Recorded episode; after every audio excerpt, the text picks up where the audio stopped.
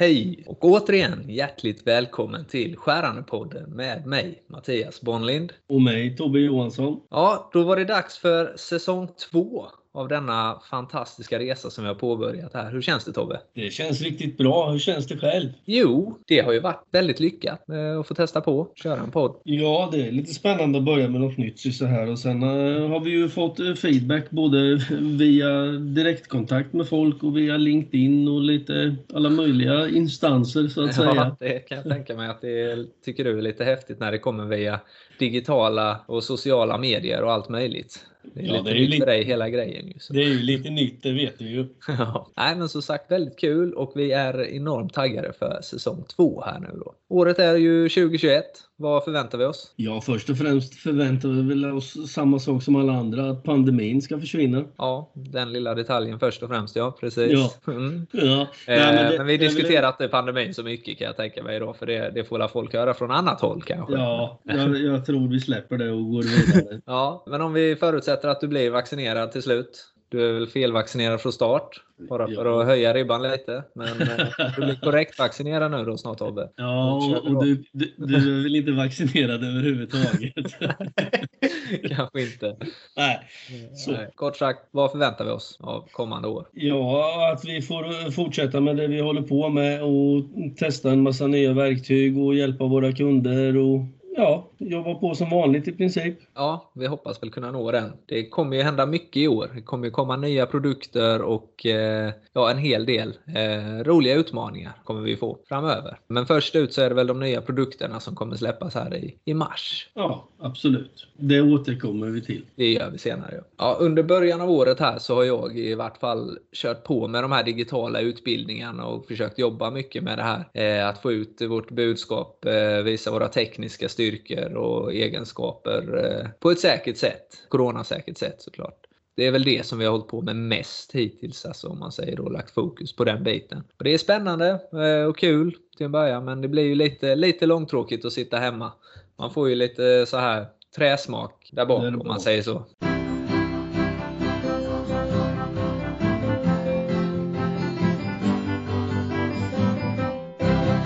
Nytt för i år är ju att vi går in lite mera hårdare på de här WMG-tabellerna eh, som är då Dormer Pramets egna Working Material Groups då och fortsätter att jobba oss bort från eh, de klassiska AMG-tabellerna då som vi kommer synas på det nytryckta materialet, broschyrmaterial och eh, produktsläppen och sånt blir det än mer VMG materialgrupper som används. Detta har vi jobbat eh, så sakteliga och processerat under ett antal år nu men eh, vi kommer att gå lite mer aggressivt på det det här året. Mm. Och apropå det så materialfrågor och hur man bearbetar olika material är ju ganska vanligt att vi får när vi är ute. Ja, det alltså, kan man ta, säga. Ja, det, det, de har ju lite olika egenskaper, alltså både stål, rostfritt, aluminium. Man får ju tänka på olika sätt när man bearbetar de här materialen. Och de har olika egenskaper och bara för att det är rostfritt, det finns olika sorter där också om man så säger, så det går inte att tänka likadant. Nej, det gör det ju inte. Eh, man kan ju tänka Många säger kanske att ja, jag kör i rostfritt och det, då kanske den personen har erfarenhet av att det är ganska lättarbetat. Mm. Och sen kommer nästa person, jag kör rostfritt och då är det helt plötsligt kanske ett duplex rostfritt som är mm. ganska svårbearbetat och så. Det är ju precis som du säger där Tobbe. Jag har, en, jag har en kund till exempel som bearbetar väldigt eh, speciella material. Han, eh, får han köra i vanligt stål eller i vanligt rostfritt om vi så säger så tycker han att det är väldigt enkelt för han är van vid att och bearbetad material som heter Orvar Supreme och, och pulversnabbstål och, och sådana här saker. Mm. Så han bearbetar många gånger det materialet som verktygen är tillverkade av. Så det är lite spännande faktiskt att hjälpa honom med, med skär och borr och pinpressar och gängtappar och vad det ska vara allt. Det kan jag tänka mig. En del tycker att det är väldigt lätt och en del tycker att det är väldigt svårt. Men den allmänna uppfattningen är ju att rostfritt är ganska svårt att bearbeta. Ja, har du något bra svar åt mig på detta? Eh, det vill jag väl påstå att jag har. Det I allmän uppfattning då liksom så är det ju att de flesta rostfria stålen alltså de, de härdas vid eh, skärprocessen. Alltså de deformeras och eh, det blir en liten härdning då generellt sett när man avlägsnar material. Och då kan ju liksom hårdheten i materialet liksom vid ytan öka liksom och bli nästan dubbelt så hårt som mm. det var mm. från början om man säger. Och därför, är, därför blir det ju ännu svårare. Mm. Så det var svårt från början och sen så börjar man bearbeta det och då blir det liksom en deformationshärdning då mm. på materialet och då blir det ju ännu svårare att bearbeta det. Det är ju lite så generellt sett att rostfritt stål är dåligt på att leda värme och då blir det ju extremt höga temperaturer vid skäräggen. Mm. Jämför man med vanligt lätt bearbetat kolstål som är liknande i hårdhet. Så det är väl det som gör att eh, det rostfria materialet är riktigt svårt. Eller ja. varför det betraktas som svårt för att man inte får till det här riktigt. Nej, vad man behöver tänka på är ju att ha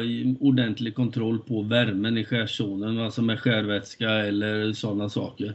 Precis. Jag fick lära mig en gång i världen, när du var väldigt ung kanske, att man kan säga att det rostfria materialet har som hullingar. Det släpper inte ifrån varandra som vanligt stål gör, utan du, du bryter isär alltså atomer och molekyler på ett helt annat sätt i stål mot vad du gör i rostfritt. Det hänger i varandra, mm. vilket gör att du får de här deformationszonerna du pratar om. Det härdar i ytan, det blir varmt och det liksom blir bara hårdare och hårdare och spånerna blir inte bra alls. De går inte av liksom. Så det är ju väldigt viktigt att man använder borr då exempelvis med invändig kylning mm. för att undvika de här problemen då man säger. Mm. Och riktigt skarpa verktyg är en fördel och inte, feg, och inte fegar med matning när man kör. Alltså om vi ska prata lite skärdata, det är bättre att ha lite lägre varv och lite högre matning när man kör i rostigt och inte stanna till för då får du den här härdningen. Ja, precis. Och det är väl generellt sett ganska likt med superlegeringar och rostfria material att de ter sig på ett liknande sätt. Tar man Inconel som exempel så har det ja. ju precis den eh, sådana här varmhållfasta material. Ju mer värme du bygger in i ytan ju hårdare blir den ju. Så det händer ju faktiskt att man till och med bearbetar Inconel med keram keramiska skär bara för att hålla värmen borta. Eh, så det är ju den allmänna uppfattningen då, som svar på din fråga om varför mm. rostfritt är så pass svårbearbetat. Det finns ju inget enkelt svar på den frågan kan jag tycka. Nej, det är... Det, det är lite grann från eh, case till case. Yes, det var lite om eh, rostfritt då, ett material som kan anses som eh, svårbearbetat. För att eh, ta något i kontrast till detta då, så vad för material finns det som då kan anses som väldigt lättbearbetade? Ja, det finns väldigt många höll jag på att säga, men du har ju aluminium. Allt är lätt för dig eller? Ja, ja, i princip. Nej, men aluminium har du ett eh, material som är väldigt vanligt, eller blir vanligare och vanligare och det anses ju som väldigt lättbearbetat och på grund av många olika orsaker. Alltså en av dem är att du kan köra med höga skärhastigheter och höga matningar och stora skärdjup. Och sen har ju aluminiumet enormt brett användningsområde. Det är ju lätt, det väger inte så mycket. Så Nej, det passar precis. Bra det är väldigt, väldigt låg densitet på det. Ja, det passar väldigt bra i många konstruktioner överallt. Alltså flygplan till exempel, det har du mycket aluminium i. Inte minst kolaburken du sitter och surplar på. Ja, precis. Nej, men det, det, det, finns ju väldigt många sådana. Ja. Och det finns ren aluminium, det är legerat och det är allt möjligt. Men eh, det har väldigt många användningsområden som gör att det växer väldigt mycket. Och i legotillverkning och sånt där så blir det ju mycket aluminiumprofiler. Prototyper mm. och sånt har ju gärna det materialet om ja. man säger för att det är så pass lättbearbetat. Ja, sen om man får använda det här begreppet att det finns likheter mellan att bearbeta rostfritt och bearbeta aluminium. Det är ju så här att både i rostfritt och aluminium så kräver det att du har skarpa skäräggar och du ska, ha, du ska gärna ha ordentligt med matning för även aluminium har en förmåga att kleta på på verktygen och då blir det väldigt fort väldigt dåligt när du bearbetar. Om du, får, om du har en solid pinnfräs till exempel och så be, gör du ett spår i en detalj och om du då har för låg matning eller inte får bort spånerna som du bearbetar då fastnar de på pinnfräsen. För aluminiumen smälter kan ja. man säga, mycket snabbare än vad stål gör. Och då ja. smälter det och så brinner det fast på verktyget och sen stannar alltihop. Så kallad lösäggsbildning då. Precis. Men då om man råkar ut för de här problemen då Tobbe med eh, lösäggsbildning då som du beskrev här. Eh, mm. Även fast det är ett eh, ganska lätt material då med aluminium. Hur löser man det på enklast sätt? Det sa du kanske där. Det var genom att öka skärhastigheten och matningen. Ja, eller alltså skärvätska och smörjmedel om man säger. Vi brukar ju prata om att vi inte ska använda skärvätska när vi fräser. Men mm. aluminium är väl lite grann undantaget från det. För du använder skärvätskan för att kontrollera temperaturen och transportera bort spåner. Precis. Så du inte får dem kvar runt eh, gängtappen. Det kan ju hända att man gör bearbetningen med en negativ geometri eller med en positiv geometri. Och det ska ju helst vara positivt när Mm. man kör de här materialen. Mm. Det blir ju mycket mer lättbearbetat. Men om man har en negativ geometri så blir de här problemen betydligt mer påtagliga och Mm. eh, svårare att undvika. Om man säger. Så det är ju verktygsvalet återigen vi kommer tillbaka till. Otroligt Ja. viktigt. Ja, och hur viktigt det är med rätt skärdata. Hamnar vi, man hamnar ju där hela tiden. Ja.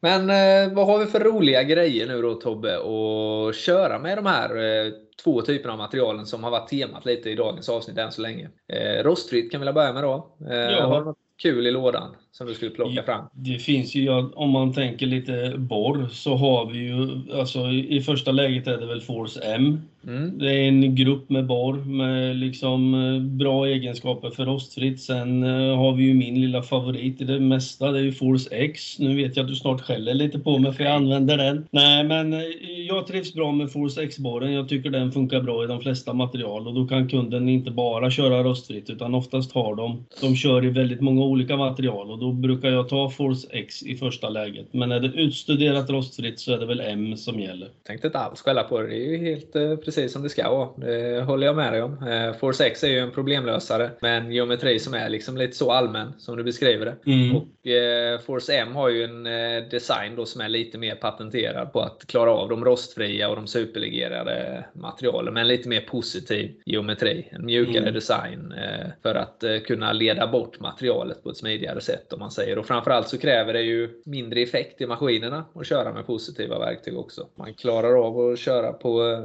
lite, lite mindre maskiner. Det krävs Ja. inte lika mycket vridmoment. Nej, och va, vad man ett ska vasst verktyg som är ett lite trubbigare verktyg, vilket är logiskt. Och vad man ska tänka på också är att kör du Force M-borren så måste du alltid ha tillgång till invändig kylning i, eh, i maskinen. Precis. För de, de borren är det invändig kylning i och Force X-borrarna finns både med och utan. Och för att förtydliga lite då inom vår Dorme-värld då så är ju de här Force-borren faktiskt lite high-tech verktyg. Då. Det är ju hårdmetall och det är som du säger invändig kylning och sånt. Det är Mm. inte det klassiska snabbstålet om man säger då, utan det är lite, lite mer eh, high-tech verktyg då. Ja. Men om vi drar det tillbaka till väldigt enkel standard så har vi ju ett, ett eh, ja, så kallat svartborr och det är ju A108. Det är ju ett enkelt snabbstålsborr för, typ ångande. ja, för pelarborrmaskiner och liknande. Och sen det vi pratade om nyss med Force M och Force X, det är ju som du sa high tech. För rostfria material alltså. Men om vi går in på aluminium, vad har vi för spännande där? Det finns ju en hel del eh, roliga eh, obelagda borr och sånt, men det jag tänker på först och främst när man bearbetar aluminium är ju avverkning av material där det flyger spåner i hög volym och sånt. Och då Mm. trillar man ju in på, på pinnfräsar. Här finns ju mycket roligt att välja bland. Det första jag tänker på skulle väl vara en 600, 611 610 och 611. 610 och 611, ja precis, som är två stycken tvåskäriga hårdmetallpinnfräsar. Sen finns det en rackare med som heter S637 som är enskärig.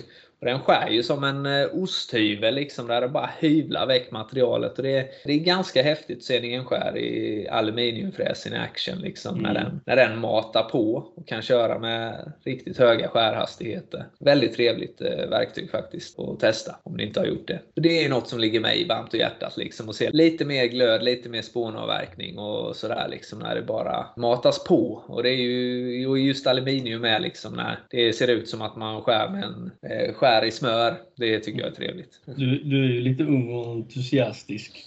Ja, någon får ju vara det. Det är ju raka motsatsen. Så det... Precis, precis.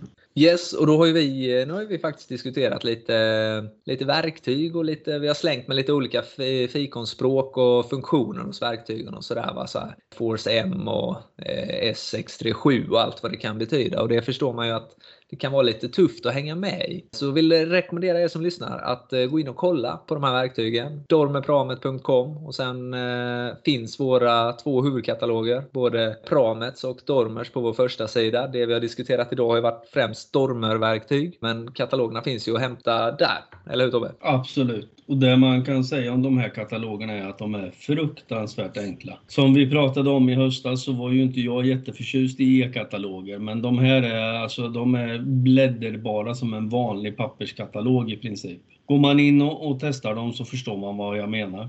Ja, så är det kanske. Kör du i mobilen nu och klickar fram? In, inte mobilen kör jag inte i, men jag kör i, i laptopen kör jag väldigt mycket med den katalogen. Jag har i princip inte öppnat mina papperskataloger i, sen i höstas. Ja, det är fantastiskt. Och då är anledningen till att de är så pass lätta är att det finns länkar att klicka ja. i hoppa på för smidig navigering. Man kan klicka på sidan eller man kan klicka på bilden på verktyget och sen hoppar man fram och tillbaka. Väldigt enkelt. Ja, det bästa är ju liksom att hitta rätt hållare till rätt skär med också. Framförallt när man snackar vändskärsverktyg och sånt. Och inom svarvning kanske. Mm. Det är ju en otroligt smidig funktion. Vad har du planerat till den kommande veckan här nu då Tobbe? Innan vi släpper nästa avsnitt. Ja, det, det finns lite saker att pyssla med. Men en av grejerna är att jag håller på med så kallad lite annorlunda valsfräsning. Vi håller på hos en kund att fräsa en stor vals och testar lite olika metoder på att bearbeta det här. För det är lite speciellt. Men jag återkommer mer om det i nästa avsnitt när vi ja. är färdiga. Själv då, vad har du för något på gång? Ja, lite av varje. Bland annat eh, lite, en hel del svarvning med diverse olika negativa skär. Eh, mm. isosvarvning och eh, lite tyngre svarvning också. Så det finns, eh, finns lite att jobba med. Och kanske lite aluminiumbearbetning så du får mata på lite. Ja, ja inte just nu kanske. Ja, men vi får se. Det kanske dyker upp när man minst anar det. Ja, så kan det vara. Eh, och återigen, glöm inte att följa oss i sociala medier. Det är otroligt att så många lyssnar, följer oss på podden. Vi är glada för det. Och med det sagt så vill vi önska er en eh, fortsatt trevlig dag. Så hörs vi nästa gång. Hej då! Hej då!